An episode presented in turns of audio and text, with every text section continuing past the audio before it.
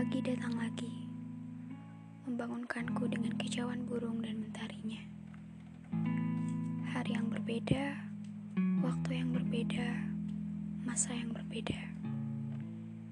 Masih dengan perasaan yang sama, yang menunggu pesan darimu masuk dalam ponselku. Sekedar, selamat pagi.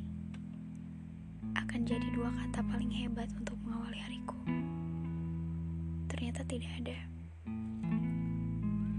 Buku yang tergeletak di sebelah pemutar musik sudah tiba pada halaman terakhir.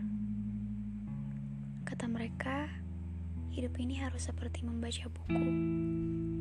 Kita tak akan bisa lanjut ke bab berikutnya jika terus terpaku di bab sebelumnya. Namun, mengapa hidupku lebih mirip satu lagu yang sudah bersenandung ratusan kali di pemutar musik sedari malam? Terus berputar balik tanpa pernah bosanku nikmati senduannya. Lagi-lagi, imajinasi menertawakanku karena selalu berhasil menemuimu. Sementara realitas, dalam realitas kita berdua hanyalah dua orang yang berlari. Aku sibuk mengejarmu, kau sibuk menghindariku.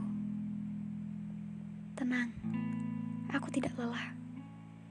Justru aku menikmati prosesnya. Kemudian, pagi kembali berganti malam. Repetisi yang tidak lagi membosankan semenjak kau hadir. Mata coklatmu yang indah, dicampur senyummu yang berseri, tak pernah gagal membuat jagat rayaku meledak menjadi jutaan kembang api. Sementara kata-katamu yang seadanya dan terkesan dingin residu dari kembang api yang menghanguskan bumiku menjadi cilaga.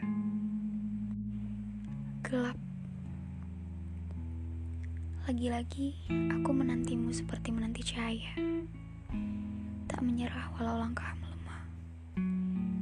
Entah mengapa, hatiku berkata, kaulah orangnya. Gemintang keras menyemangatiku, terlalu jauh sorak-sorainya untuk kunikmati. Di sini sunyi, tanpa ingar-bingar. Entah mengapa hatiku berkata, kau akan datang. Kita sama-sama pemimpi. Kau mengejar impian, dirinya. Aku menunggu impianku, dirimu.